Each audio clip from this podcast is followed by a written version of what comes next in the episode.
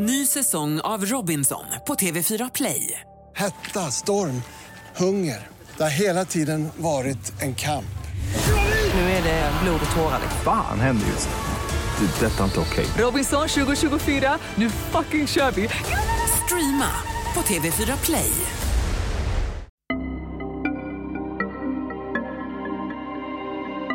Bakom varje uppklarat brott finns det vardagshjältar, poliser som inte ger upp, som tröskar igenom alla fakta och som till slut kommer fram till sanningen.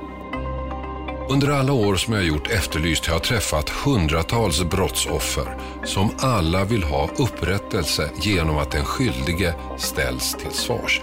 Jag har också träffat hundratals brottslingar som i många fall trodde att de skulle klara sig, i alla fall i den stund de utförde brott.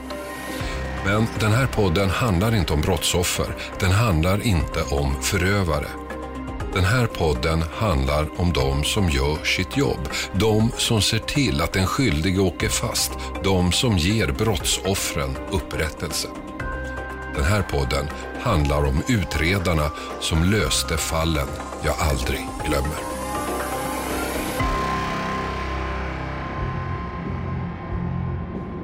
Den 25 januari 1999 spelar bandet Hammerfall på rockklubben Kartago i Sölvesborg. Mitt under spelningen säger bandets turnéledare Lelle Hildebrand till trummisen att han måste iväg en kvart. Han ska träffa arrangören av konserten som vi kan kalla Robert. Antagligen för att få pengarna från dagens och gårdagens spelning som han av någon anledning ännu inte fått. Robert väntar i sin bil utanför klubben. Lelle hoppar in. Och sen är han borta. Och det blir inledningen till ett av de mest märkliga kriminalfallen någonsin i Sverige. Märklig därför att Lelle Hildebrand aldrig hittades. Märklig därför att arrangören Robert ett halvår senare sköt ihjäl tre personer i en bil. Från början var polisen inte helt säker på att det låg ett brott bakom Lelles försvinnande. Han hade trots allt en väska full med pengar på sig. Gaget för Hammerfalls spelningar 75 000 kronor. Motiv nog för vem som helst att försvinna, kanske. Men ganska snart förstod man att något hade hänt och misstankarna gick förstås mot Robert. Inte så konstigt, inte minst för att han var den siste som såg Lelle vid liv. Hans berättelse var kort. Han hade mött upp Lelle, plockat upp honom i sin bil, kört runt med honom och sen släppt av honom utanför klubben Kartago där spelningen fortfarande pågick. Och sen hade han åkt hem till Kristianstad, visserligen via en omväg runt Arkeröv, men ändå hem. När så Lelles väska en vecka efter försvinnandet hittades i sjön Immern, alltså vid den omväg Robert sa sig ha tagit till Kristianstad, blev misstankarna tillräckligt höga. Robert anhölls. Men utredningen hade tre stora problem. 1. Lelle hittades aldrig. 2. Robert nekade till allt. 3. Inga tekniska bevis fanns. Så till slut hade åklagaren bara ett alternativ. Han släppte Robert och utredningen lades på is. Och där kunde historien ta slut. Lägga fallet Lelle Hildebrand i högen av ouppklarade brott, låta sorgen bland de anhöriga verka ut, låta livet gå vidare för misstänkte Robert. Men så blev det inte. Det blev katastrof. Det är på kvällen den 27 september 1999, alltså ett halvår senare. Tre män skjuts till döds i sin bil, alla med skott i huvudet. Och nu går det fort. En man som befann sig i närheten blir misstänksam när han ser en man stå och rota i bakluckan på en bil. Han tycker det är konstigt. Ännu konstigare tycker han när en annan bil, en Saab, efter en stund snabbt kör från platsen. Han skriver ner bilnumret på ett tidningspapper. Trippelmordet blir förstås enormt uppmärksammat, utredningen massiv och det dröjer inte länge innan polisen får kontakt med vittnet som har bilnumret. Och när polisen kontrollerar vem som äger bilen blir det jackpot. Det är Robert, mannen som suttit anhållen efter Lelle Hildebrands försvinnande.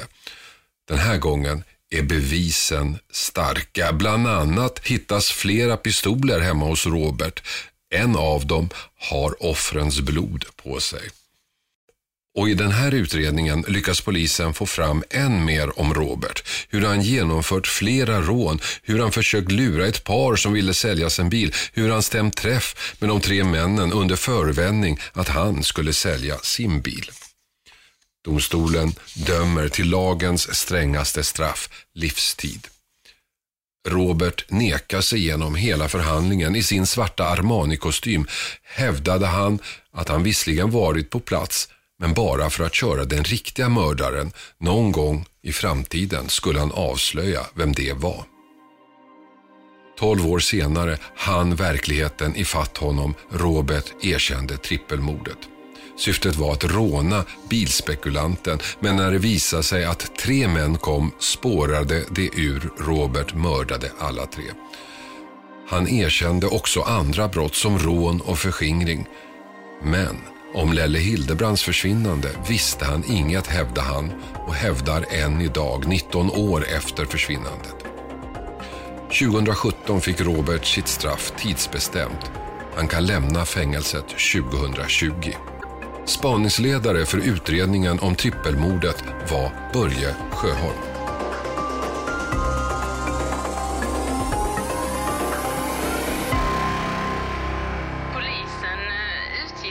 Tidigt från att han hade förts bort mot sin vilja eller mördats och nu så vill man ha tips från allmänheten om Lelle Hildebrand. Jag fick ett samtal eh, när jag var på jobbet att man hade hittat tre döda män ute vid Forsmöllan i, i Klippan. Och, eh, det var ju rätt så sensationellt och eh, det fanns många lyckliga omständigheter. Det blev lite kaosartat i början, det blir det ju alltid. Va? Men det var lyckliga omständigheter så tillvida att vi hade just den dagen en uh, utbildning för våra spanare i Malmö. Så vi kunde skicka dit väldigt mycket folk uh, under ledning av en annan kommissarie. Så jag var ju inne på polisstationen och höll samman hela utredningen. Mm. Du var aldrig på själva platsen då?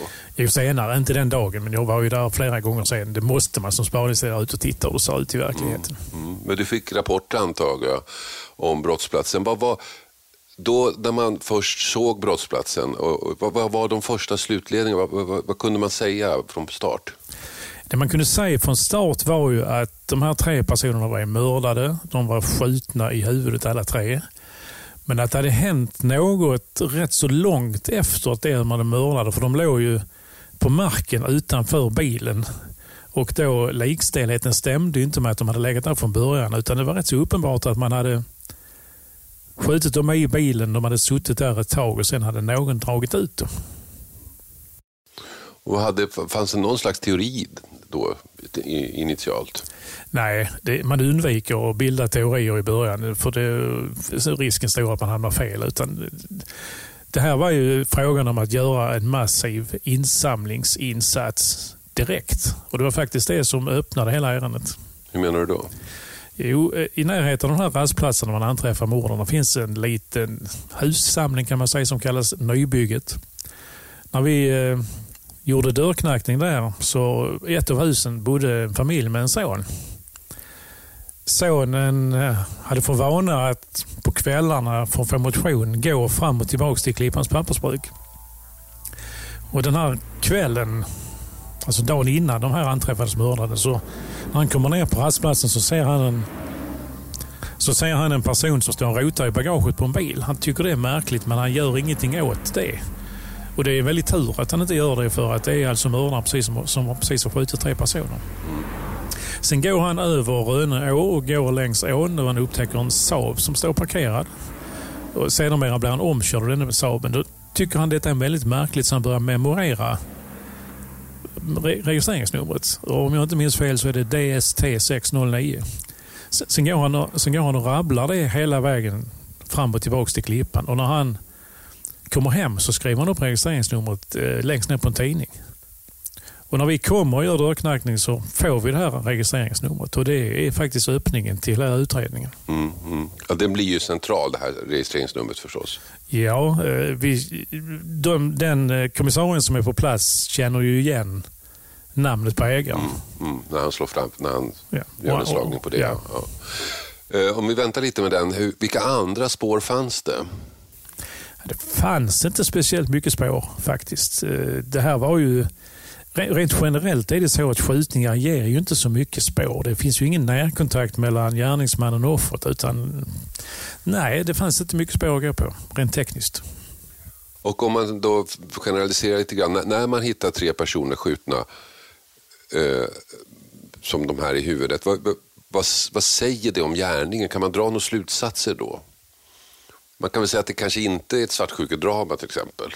Ja, man, I det här fallet kan man nog dra slutsatsen att detta är ju något väldigt kallblodigt och beräknat eh, agerande. Det är ju inget passionsdrama, det är ingen, inget bråk dem emellan utan det här är ju en ren avrättning kan man ju säga. Och ni får ju fram då också vilka de här är ganska fort och ser att de, har ju ingenting med, med någon kriminalitet att göra. Nej, de är helt uh, oförvitliga människor. De har ju ingenting med, med någon kriminalitet att göra. Det är ju far och son och en tredje person som är kompis med dem. Och så får ni det här bilnumret, eh, ni kollar det och där känner ni igen namnet. Eh, och namnet är, jag kallar honom för Robert i den här eh, podden. Och då är det Robert, berätta, berätta om, om hur det här gick till. Jo, när vi då får fram namnet på bilägaren, då Robert, så eh, känner ju den kommissarien som är på plats igen namnet och vet att den här Robert har varit frihetsberövad i ett annat försvinnande en tid innan. Och då blir det ju högintressant.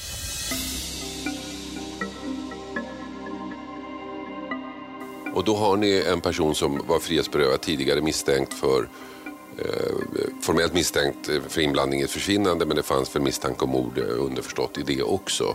Hur, hur går ni vidare då i det läget? Åker ni bara hämtar honom eller vad händer? I det läget så har vi kopplat in åklagaren, chefsåklagaren Göran Berling som då anhåller Robert i sin frånvaro.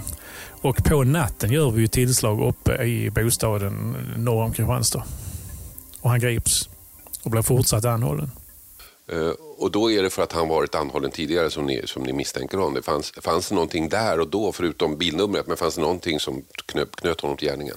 Eh, då under natten, det som knyter honom till gärningen är att hans bil har varit på platsen och att han har blivit observerad där. Och det är det som gör att han blir anhållen. Sen gör vi ju följande dag, vi säkrar ju då bostaden och följande dag så görs det en husrannsakan och då hittar vi ju sedermera dels mordvapnet och dels hittar vi en handske som innehåller offrets blod, eller ett av offrens blod. Så att den tekniska bevisningen blir betydligt bättre efter den husrannsakan. Och då var det, om man ska vara lite cynisk, då var det, ju- då var det ju klart. Ni hade er gärningsman. Ja, det, vi hade ju vår gärningsman men vi hade ju långt ifrån en fällande dom. Vi gjorde ju ett jättearbete sen eh, på och kring brottsplatsen. Vad fick ni fram? Dels så var det ju så att den här Robert delade bostad med en kusin. Och inledningsvis så gav ju kusinen Robert alibi. Men efter mm, långa och rätt så påfrestande förhör så följde kusinen till föga och berättade att Robert hade inget alibi. Men det är också så att långt senare i samband med huvudförhandlingen så vidgick ju Robert att han hade varit på platsen. Men att det inte var han som hade skjutit. Att det fanns en annan där.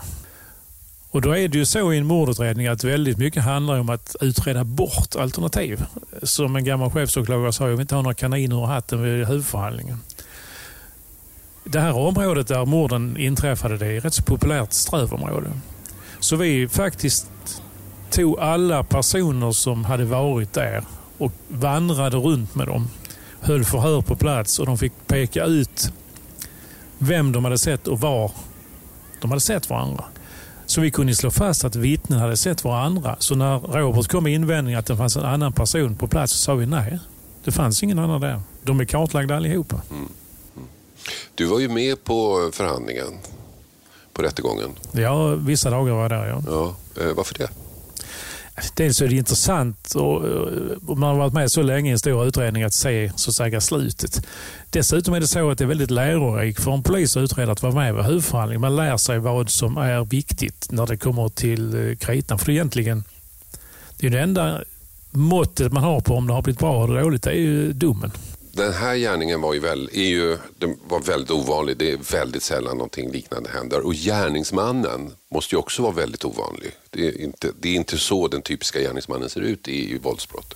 Nej, absolut inte. Det här var ju en, eh, kalkylerad gärning för att komma över pengar. Och det är ju rätt ovanligt. De flesta mord sker ju i någon slags hastigt mod och med någon personlig relation mellan gärningsman och offer. Men det fanns det ju inte här. Det var ju en ren tillfällighet att det blev de här personerna. Hur, hur, berätta, var, varför blev det dem? Hur, hur såg upptakten ut? Upplägget var ju att Robert hade lagt ut en annons att han hade en bil att sälja. Vilket han ju inte hade. Och då nappade ju de här personerna, som, där en av dem var, var bilhandlare, på att köpa den här bilen. Och Roberts upplägg var ju, och förhoppning, att de här skulle ha med sig kontanter för att köpa bilen. Vilket vi lärde oss att det inte är alldeles ovanligt. Många bilhandlare på den tiden hade väldigt mycket kontakt, kontanter. Det motiverar mig att om en säljare är väldigt stort behov av pengar så är det rätt bra att kunna ta upp en sedelbunt och betala cash. Så Roberts uppfattning var att han skulle lura ut dem, de skulle ha med sig pengar för att betala bilen och så, så, så mördade han dem och så skulle han ta pengarna. Men ändå, att, från att råna till att mörda är steget ganska stort. Ja, det är ju extremt långt steg. Nej, det här är ju en kallblodig man. Det är det ju. Mm. Vad fick ni veta om honom då när ni gjorde er utredning och undersökning av honom? Vad, vad, vad kom fram? Jag kom fram, vi kartlade i, i stort sett hela hans eh, uppväxt, barndom, väldigt speciella förhållanden med mamma och pappa som var något av en rättshaverist, mamma som inte var här längre. Och nog en rätt så vilsen ung man men ändå med en väldigt stor ambition att bli rik. Han hade ju planer på att eh, på x antal år skulle han bli världens rikaste man. Men han hade också en historia av bedrägerier och penningafiffel och rån och sånt. Ja, det hade han ju. Det, han hade, det visade sig också under utredningen att han hade ju planerat brott som aldrig hade kommit till utförande. Han, han hade ju den ambitionen att han skulle bli jätterik och han brydde sig inte om på vilket sätt. Och jag antar också att i, i, i er utredning så, så, lärde ni känna honom. Ni fick också ta reda på, eller fick också reda på eh, utredningen kring Lelle Hildebrandt och det försvinnandet. Eh, jag kan tänka mig att det blev också aktuellt i det här fallet. Vad, vad kan du säga om den, det, det, fallet och Robert? Ja, när det gäller Robert och Lelle Hildebrandt så har jag inte full insyn i utredningen. Men det fanns ju rätt många paralleller så tillvida att Robert var ju den sista som sågs tillsammans med Lelle. Och Lelle hade ju pengar. Så att det kändes ju likartat. Mm. Om man inte lägger till en tredje, en tredje aspekt då. Det var att Robert hade ju, han, han var kapabel att döda, visar det sig. Ja, absolut. Han var ju kapabel att dela och utan att känna någon ånger eller empati. Nu är ju det fallet lite aktuellt. Man ska göra nya undersökningar. Man gör ju det då och då kommer in tips och så letar man och så gör man nya undersökningar. Vad tror du, vad krävs det för att det fallet ska klaras upp? Ja, som det känns nu så krävs det att man hittar någon kropp. Det är väl det som behövs. Eh, vad som ligger till grund för eh, dagens sökningar, det vet jag faktiskt inte. Ja. Men även om man hittar en kropp, det har ju gått så lång tid. Vad kan det finnas på en kropp som, som är avgörande? Ja, det är omöjligt att veta. Det beror på hur den har hanterats och hur den det, det kan man inte säga idag. Men oavsett vilket så för anhöriga är det ju ändå så att om man kan hitta en kropp så är det ändå på något vis ett led i bearbetningen av det som har hänt. Man får ju aldrig glömma de anhöriga i sådana här fall.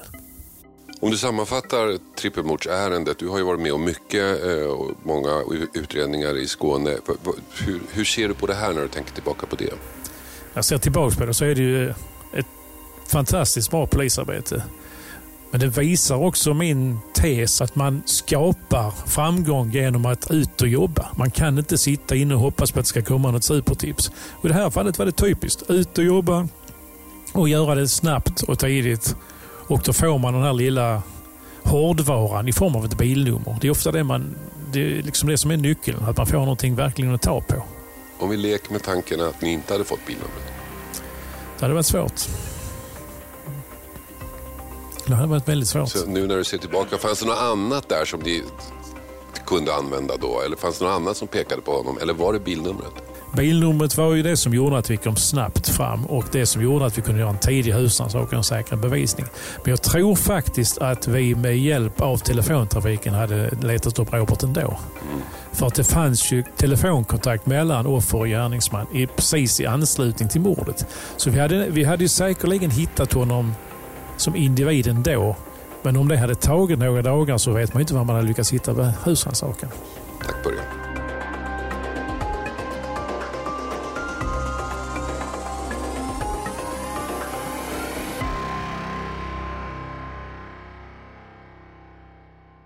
Berätta gärna om fallen jag aldrig glömmer för dina vänner så att fler får chansen att lyssna. Har du förslag på vilka fall du vill att vi ska ta upp eller bara berätta vad du tycker så mejla till fallen at ilikeradio.se. Och jag har några som jag gör den här podden med som jag vill tacka lite extra. Research Gabriella Lahti, ljudsättning Alexander Martyris och exekutiv producent Mattias Arvidsson. Efterlyst och TV3 Dokumentär ser du varje krimtorsdag på TV3 via Free och via Play. Tills nästa vecka, tack för att du lyssnar. Produceras av I Like Radio. I like radio. Ny säsong av Robinson på TV4 Play. Hetta, storm, hunger. Det har hela tiden varit en kamp. Nu är det blod och tårar. Fan händer just nu. Det. är Detta är inte okej. Robinson 2024, nu fucking kör vi! Streama på TV4 Play.